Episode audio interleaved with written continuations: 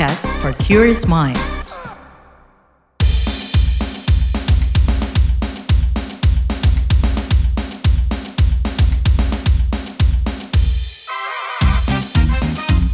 What's Trending KBR Pagi, siaran pagi radio paling update.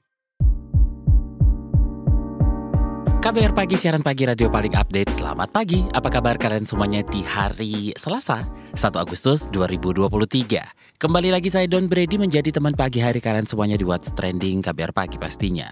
Protes dan keluhan soal kabel-kabel listrik ataupun fiber optik yang semraut dan tidak tertata belakangan kita temui di media sosial. Kabel-kabel yang tak jarang ditemukan menggantung tak beraturan jadi sorotan netizen usai mengakibatkan celaka seorang mahasiswa pengguna jalan. Seorang mahasiswa bernama Sultan Rifaat Al-Fatih terjerat kabel fiber optik di leher yang mencelakai tulang tenggorokannya hingga patah. Ia pun kini harus menggunakan selang untuk makan dan minum, serta kesulitan berbicara. Kasus ini terjadi di Jakarta beberapa bulan lalu dan keluarga berniat melaporkan perusahaan yang diduga sebagai pemilik kabel fiber optik itu ke Polda Metro Jaya dalam waktu dekat ini. Menanggapi kasus ini, anggota Komisi D DPRD DKI Jakarta Nur Hasan pun mendorong Bina Marga memperbaiki dan menertibkan semua kabel-kabel listrik. Dilansir CNN, persoalan ini sudah berlarut dan tidak kunjung selesai di wilayah DKI Jakarta.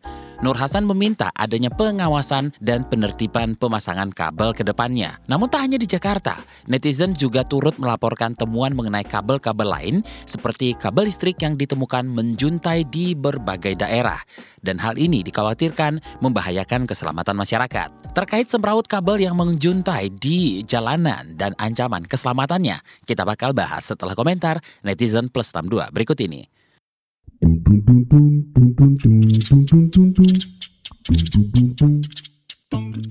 Pertama akun at IJLXX. Mohon diperhatikan bahaya tumbang yang mengintai karena tiang listrik sudah doyong ke arah jalan karena tidak bisa lagi menahan tumpukan jaringan kabel.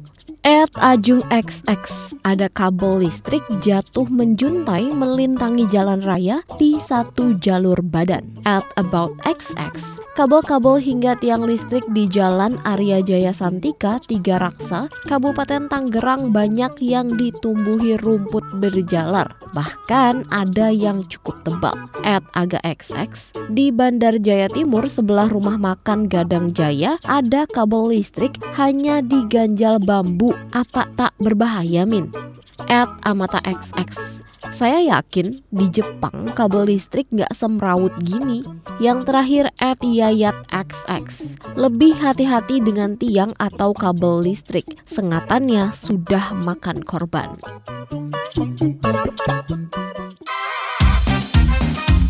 What's Trending KPR Pagi, siaran pagi radio paling update. Kita lanjutkan obrolan pagi ini. Jadi pengamat tata kota Nirwono Yoga yang biasa dipanggil Mas Yudi ini mengatakan kasus terjeratnya leher warga oleh kabel fiber optik harus jadi momentum perbaikan seluruh sarana jaringan utilitas terpadu atau SJUT ke bawah tanah atau trotoar. Lebih lanjut kita obrolkan saja dengan pengamat tata kota Nirwono Yoga. Mas, bagaimana nih Anda melihat uh, kasus semrautnya kabel di DKI Jakarta?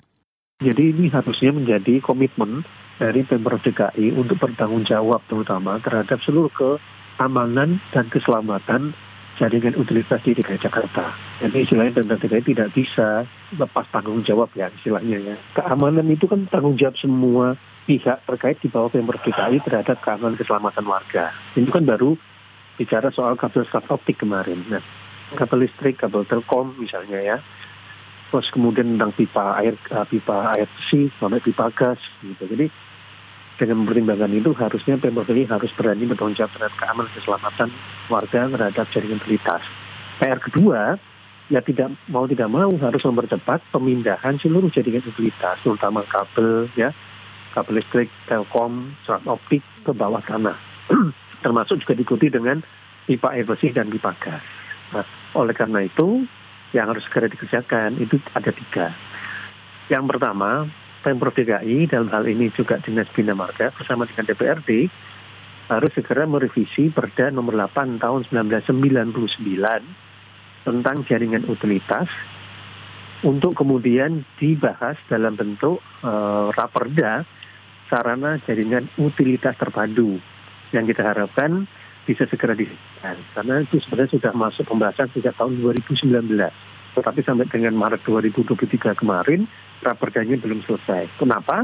Dengan adanya raperda yang akan disahkan jadi perda tersebut, maka bisa segera disusun rencana induk sarana jaringan utilitas terpadu yang meng, dalam tanda petik merekomendasikan atau lebih tepatnya memaksa ya seluruh penyedia jasa jaringan utilitas memindahkan seluruh fasilitasnya ke bawah tanah.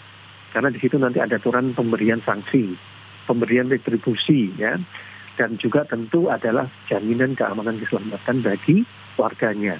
Nah, karena itu diatur juga kalau ada dalam tanda petik misalnya kejadian diakibatkan oleh jaringan utilitas tadi, Pemprov DKI, penyedia jasa maupun pemberi jasa termasuk kontraktornya juga harus ikut bertanggung jawab betul. Ini kan bukan masalah tahun ini aja ya Mas ya. Apakah belum ada perbaikan selama ini? Ya, persoalan utamanya ya di dalam Perda nomor 8 tahun 1999 jaringan utilitas itu masih dimungkinkan pemasangan kabel-kabel tadi di atas.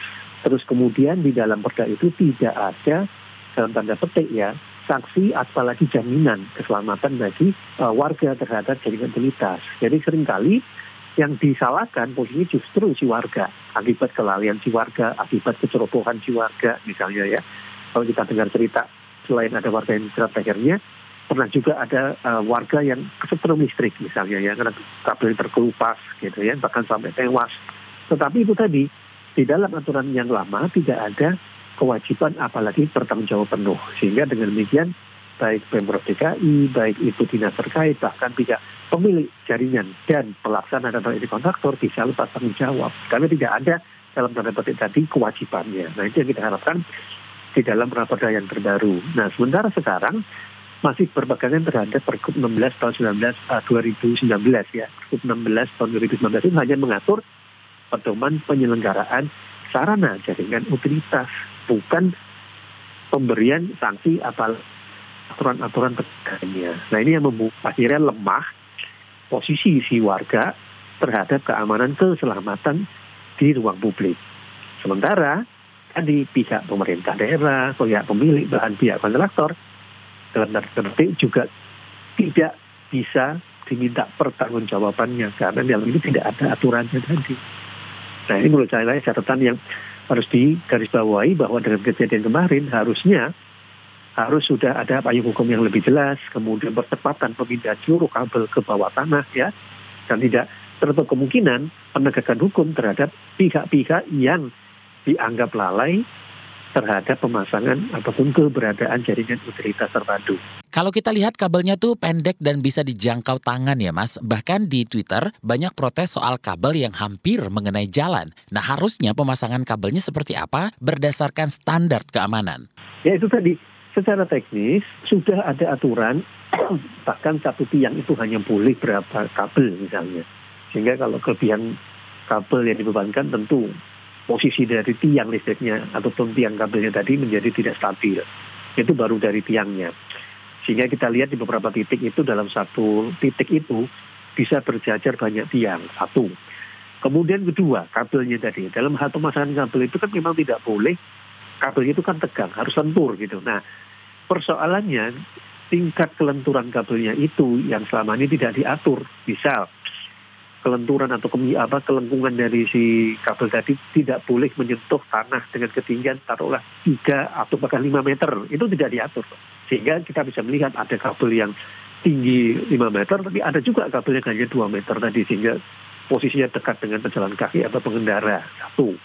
Jadi di situ tidak ada aturan tegas ting, apa kabelnya tadi. Kedua yang juga parahnya ini tidak ada aturan bahwa dengan kondisi kabel, kabel seperti itu tidak ada kewajiban jaminan keamanan keselamatan dari si pemilik kabel maupun si kontraktor yang memasang kabel tersebut terhadap keamanan keselamatan baik itu berjalan kaki, pengendara atau warga yang sedang melintas di lokasi itu. Bahkan tidak hanya pada saat sudah terpasang, pada saat pembangunan pun tidak ada jaminan pelindungan itu sehingga sering kali kejadiannya kalau ada terjadi uh, kecelakaan tadi yang dinilai salah itu justru si pejalan kaki, pengendara atau warga yang sedang melintas lokasi tersebut.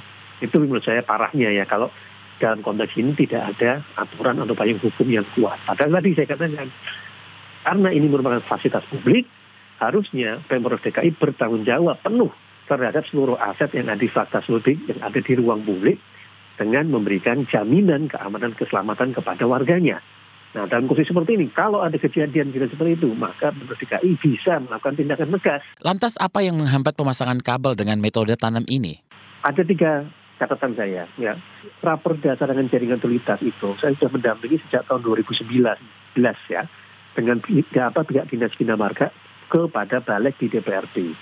Ya sampai dengan berbagai rapat bahkan terakhir rapat Maret 2023 lalu. Secara teknis Raperda tadi sudah disetujui oleh DPRD sudah disepakati oleh pihak penyedia jasa ya. Bahkan sudah mulai masuk ke pembahasan terakhir itu per kilometer tadi pembangunannya berapa si penyedia jasa dikenakan retribusi berapa. Jadi secara teknis mereka setuju semuanya dipindah ke bawah tanah. Tidak ada tidak tidak ada alasan mereka menolak ya untuk pemindahan kabel ke bawah tanah nah persoalannya adalah sudah lebih dari empat tahun ini kenapa tidak segera disahkan tadi dengan kejadian ini harusnya teman-teman media bisa mengingatkan kembali bahwa sudah ada loh raperda sarana dan fasilitas terpadu yang perlu segera disahkan. Kenapa? Karena dengan perda tadi yang baru, pihak Pemprov DKI bisa melakukan dua hal. Satu, segera menyusun rencana induk sarana jaringan usaha terpadu yang mengatur semua nanti kabel itu ke bawah tanah bagaimana.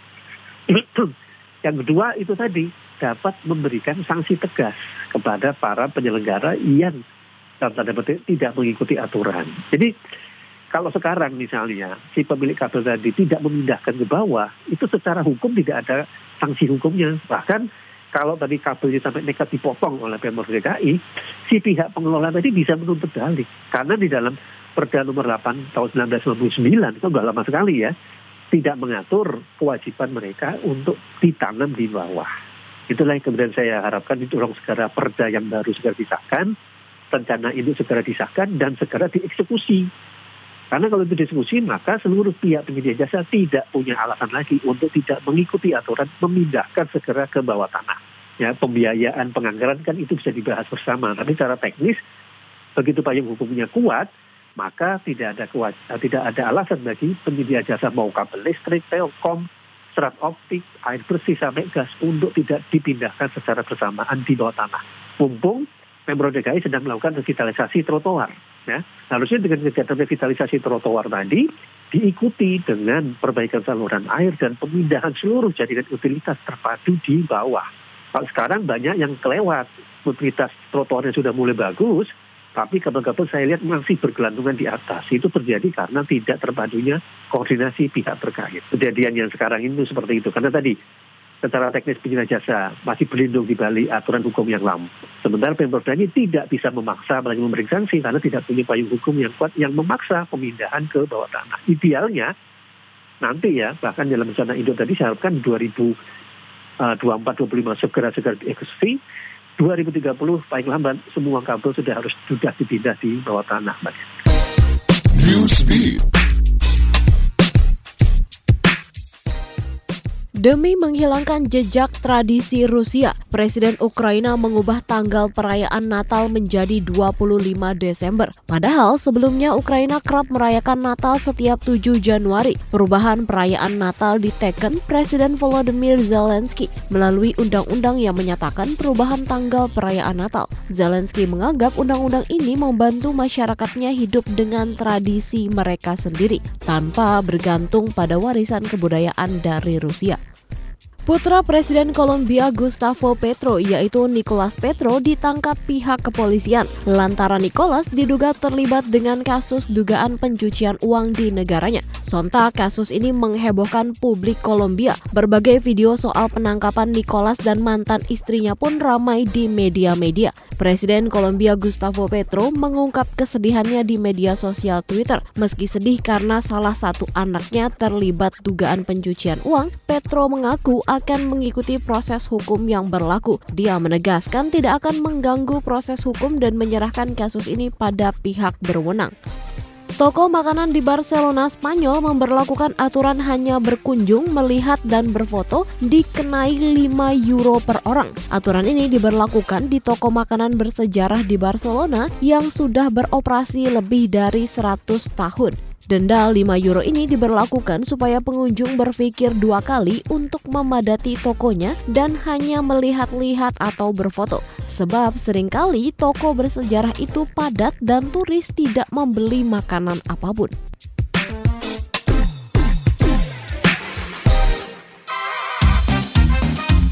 What's Trending KPR Pagi, siaran pagi radio paling update.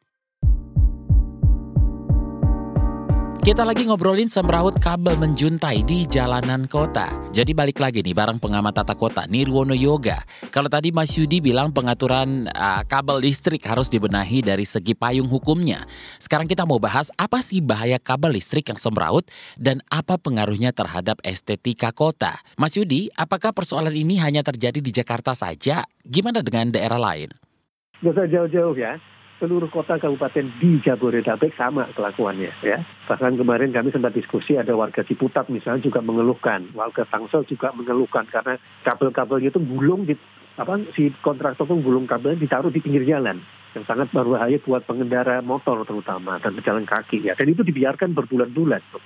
Nah ini artinya eh, kita berharap dengan Jakarta mempelopori ini suka tidak suka pemerintah kota kabupaten se-Indonesia tidak hanya Jakarta ya kota-kota besar lain bahkan Bodetabek paling tidak mempunyai kesadaran satu bahwa pemerintah daerah punya tanggung jawab untuk melindungi keamanan keselamatan warganya termasuk keamanan saat berjalan, berkendara, melintas suatu kawasan. Artinya, pemerintah daerah bertanggung jawab terhadap keamanan keselamatan jaringan utilitasnya. Yang berarti, dengan kondisi ke depan harus semuanya di bawah tanah. Kalau bawah tanahnya di atas, sangat riskan ya. Entah kabelnya kabelnya roboh misalnya atau kabelnya terkelupas ya. Tapi kalau itu di bawah tanah paling tidak keamanan keselamatan pejalan kaki mengendara bisa lebih baik. Kedua kota yang bagus itu kan kalau kita lihat di mana-mana sudah tidak ada kabel-kabel yang bergelantungan semrawut sebenarnya. Jadi ini sebenarnya sudah sangat terlambat bahkan bisa dikatakan 20 tahun yang lalu terlambatnya jadi ini harusnya menjadi momentum untuk perbaikan itu. Ketiga tadi saya katakan segera buat payung hukum, segera buat rencana induk, dan segera dieksekusi ke lapangan. Dengan demikian, seluruh pihak mau secara bersama-sama secara serentak memindahkan utilitasnya ke bawah tanah baik di Jakarta, Bodetabek maupun di kota-kota besar lagi uh, lainnya lagi. Lebih mudah di atas karena pemeliharaannya lebih gampang. Tapi jangan lupa, peran utamanya adalah keamanan keselamatan harusnya menjadi pertimbangan nomor satu. Ya, baru kita bicara soal estetika kota misalnya, karena tidak ada kabel-kabel yang melintas lagi, semrawut dan sebagainya. Jadi nomor satu keamanan keselamatan, kedua adalah keindahan Pak itu sendiri. Jadi kalau itu jadi pertimbangannya, maka harusnya tidak ada celah atau memberikan uh, apa kesempatan bagi mereka tetap bergelantungan di atas. Apalagi kalau di ruang-ruang publik, jalan-jalan utama ya. Artinya di luar Pulau Jawa kondisinya sama? Kalau luar Pulau Jawa saya masih lihat di Medan ya, Makassar, Padang, Bandar Lampung, ini sama. Cuman beda keruwetannya belum separah DKI Jakarta dan Jabodetabek lah secara umum yang tingkat pertumbuhan kotanya pesat ya. Karena kan perkembangan kabel listrik, kabel telkom, kabel serat optik terutama itu kan terikut dengan infrastruktur digital ya penggunaan penggunaan internet, wifi dan sebagainya menuntut jaringan serat optik yang banyak. Nah ini seiring dengan pertumbuhan penduduk sama perkembangan kota, maka kebutuhan itu akan selalu bertambah. Soalnya itu tadi, kalau tidak diatur di bawah segera, maka yang terjadi akan jadi penumpukan kabel-kabel di tiang-tiang yang ada sekarang. Tapi bahayanya apa, Mas? Itu sangat berbahaya terutama di daerah-daerah yang dilintasi banyak kendaraan terutama dan juga terutama di pemukiman. Apalagi pemukiman padat ya. Pemukiman padat itu salah satu penyebab kalau di Jakarta penyebab utama kebakaran itu karena tadi selain apa hubungan arus pendek dalam rumah kabel-kabel yang bergantungan sangat rapat di pemukiman padat itu salah satu penyebab utamanya kalau kita perhatikan. Dan itu penyumbang kurang lebih hampir dengan apa 80 ya, apa 80 persen penyebab kebakaran itu gara-gara itu. Sangat tidak layak sebenarnya kalau kita belajar dari situ. Tapi itu tadi keseriusannya itu yang sebenarnya jadi apa menjadi catatannya. Karena selalu pertama kali mereka dalam hal ini provider pengguna jasa otoritas selalu menolak ya. Karena mereka selama ini kan sudah terlalu enak kan?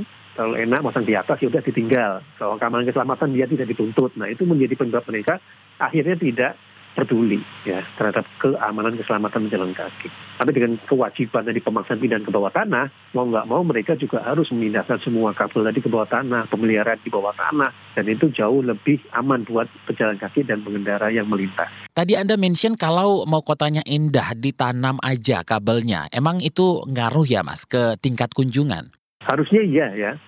Dan itu sebenarnya sudah saya lihat di daerah CBD Sudirman misalnya, Kuningan ya, sudah mulai berani memindahkan kabelnya semua ke bawah. Nah artinya apa? Kalau pihak swasta saja bisa menata sebuah kawasan dan langsung memindahkan kabel-kabelnya di bawah, artinya juga Pemprov DKI ya dan pemerintah kota di Bodetabek tidak ada alasan tidak bisa. Tinggal kemauan aja yang di apa namanya didorong lah ya mungkin mereka ya. Dengan catatan tadi ini kalau kita bicara sebuah kota ya harusnya estetika juga jadi pertimbangan. Apalagi kalau di kawasan wisata ya pusat perkantoran misalnya itu tidak ada alasan kabel-kabel malang melintang seperti yang kita lihat sekarang. Tinggal keseriusan sebenarnya kita dorong yang dari pemprov DKI ya terutama. Tapi ini juga harus dengan pemerintah kota kabupaten ya. Karena saya lihat juga di Bodetabek sama aja, nggak ada perubahan. Itu menurut saya yang harus segera ditekankan. Nah di sini dalam tanda petik ya pemerintah pusat juga harus ikut ya memberi contoh untuk mendorong pemerintah kota kabupaten memindahkan seluruh kabel berita tadi ke bawah tanah. Terakhir gimana pengaturan kabel di luar negeri? Apakah ada yang bisa dijadikan contoh? Banyak sebenarnya nggak usah jauh-jauh ya kalau apa kita jalan-jalan di Singapura ya yang jauh-jauh juga dekat sini ya Singapura dan hampir saya katakan sebagian besar kota di Australia sudah menerapkan itu jauh hari ya. Kalau kita bicara di Melbourne, Sydney itu udah mungkin Singapura juga seingat saya lebih dari 20 tahun yang lalu juga sudah melakukan hal itu. Semua itu untuk ITAS selalu dikembangkan di bawah bawah tanah sejak awal ya. Apalagi kalau kita belajar di kota-kota di Eropa ya, mulai dari London, Paris misalnya, itu udah 100 tahun yang lalu mereka merancang semua utilitas itu di bawah tanah. Ya, kabel listrik, telkom, air bersih, pipa gas itu nggak pernah ada yang nggak di bawah tanah. Semua itu sudah direncanakan sejak awal pembangunan kotanya di bawah tanah. Sebenarnya kota-kota seperti GSD misalnya ya, terus kemudian Sumarekon itu juga sudah mulai kota-kota baru yang dibangun di sekitar Bodetabek menerapkan prinsip itu meskipun belum menyeluruh ya tapi di pusat kotanya itu sudah mulai dirancang semua kabel-kabel tadi di bawah tanah. Jadi bukan hal baru persoalannya karena kota-kota di kita ini sudah terlanjur jadi misalnya mereka dan tanda petik enggan untuk memindahkan itu tadi. So, inginan ya, inginan untuk memindahkan tadi. Jadi contoh itu sudah sangat banyak di depan mata dan bukan hal baru ya. Jadi yang menurut saya justru dukungan penuh dari kepala daerah terutama. Kalau Jakarta yang saya katakan di era Pak, Pak Ahok dan Pak Anies ya, itu sudah mulai ada kegiatan pemindahan secara bertahap pada saat pembangunan akreditasi trotoar. Beberapa titik sudah mulai. Contoh paling mudah beberapa lokasi sekitar Senayan misalnya ya. Sudirman Tamrin itu pada saat trotoar ini diperbaiki sudah mulai bertahap satu persatu, nggak boleh di bawah. Artinya sudah ada keinginan, tinggal itu diperkuat dengan tadi saya katakan ada payung hukumnya, ada rencana induknya sehingga penganggarannya jelas dan juga kewajiban tadi bisa dipaksakan kepada penyedia karena sudah ada aturan hukumnya tadi itu. Terima kasih pengamat tata kota Nirwono Yoga.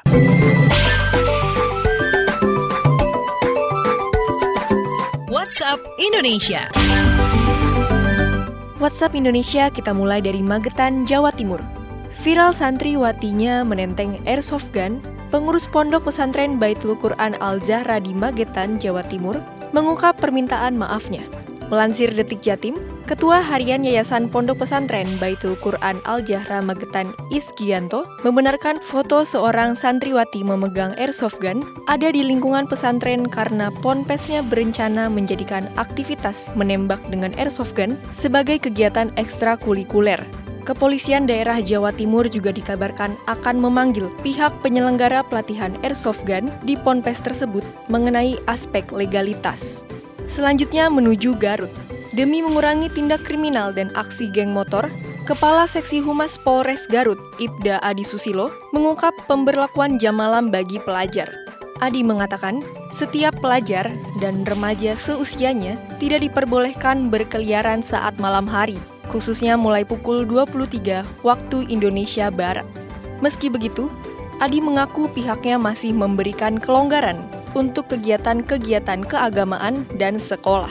Dia juga meminta masyarakat mendukung dan menerapkan kebijakan ini. Lantaran banyaknya remaja yang berkeliaran di malam hari dianggap mengganggu keamanan, ketertiban, dan kenyamanan masyarakat. Terakhir, menuju Tanjung Pinang. Menteri Pariwisata dan Ekonomi Kreatif Menparekraf Sandiaga Salahuddin Uno berupaya menjadikan desa wisata Pulau Penyengat sebagai pusat studi budaya Melayu Islam sedunia. Sandi mengatakan, Pulau Penyengat memiliki peran yang sangat penting terkait Kerajaan Riau, Lingga, Johor, Pahang, dan Kerajaan Riau Lingga, terutama pada abad ke-18. Hingga saat ini, Pulau Penyengat masih jadi destinasi andalan wisatawan mancanegara yang berasal dari Singapura, Malaysia, hingga Brunei Darussalam untuk mendalami budaya Melayu. Untuk itu, Sandi mengungkap adanya potensi dan mendorong desa wisata Pulau Penyengat sebagai pusat studi budaya Melayu Islam sedunia. Demikian WhatsApp Indonesia hari ini.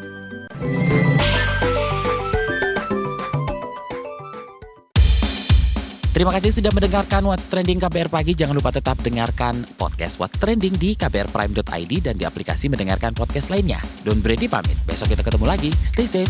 Bye-bye. What's Trending KBR Pagi. Siaran pagi radio paling update.